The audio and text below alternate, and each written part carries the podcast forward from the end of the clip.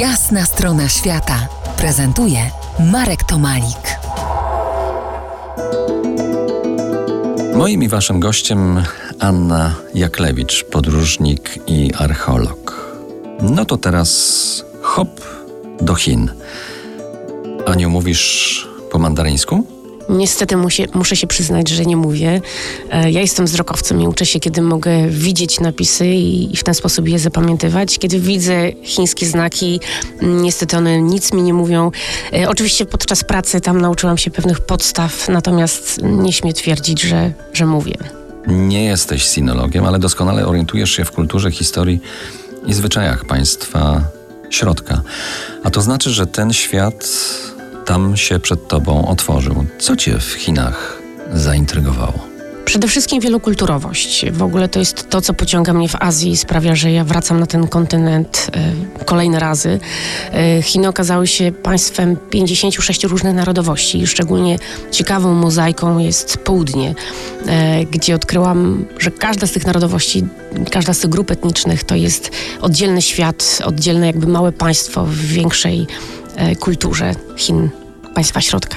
Czyli to jest tak, wydaje się, bardzo zróżnicowany etnicznie świat. Z naszego punktu obserwacji każdy Chińczyk wygląda podobnie jak Chińczyk, jak dla Chińczyka Europejczyk wygląda jak Europejczyk.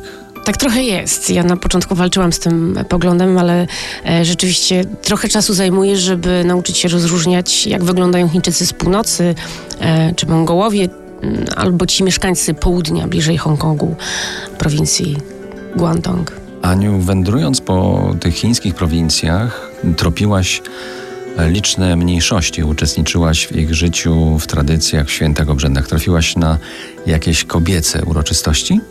Trafiłam do bardzo ciekawego rejonu nad jeziorem Lugu, to jest styk prowincji Yunnan i Syczuan, e, do rejonu, który określa się Królestwem Kobiet.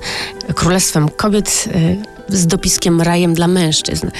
Ten rejon zamieszkały przez ludność Mosuł. Jest tak nazywany dlatego, że jest to społeczeństwo matriarchalne, czy może bardziej prawidłowo mówiąc matrilinearne, co znaczy tyle, że na szczycie każdego klanu stoi kobieta. To ona rządzi rodziną, to ona podejmuje najważniejsze decyzje finansowe, strategiczne i dziedziczenie następuje w linii żejskiej, także mężczyźni właściwie niewiele posiadają. To jest także społeczeństwo bardzo ciekawe, bo ono bardzo długo nie znało takich formalnych małżeństw i przeciwności do innych rejonów Chin, tam to kobiety decydowały o wyborze partnera. E, No kontrastowo dla, dla państwa, w którym te kobiety miały być dodatkiem e, do mężczyzny, którym krępowano stopy, mm, dla zabawy mężczyzn, dla, dla ich...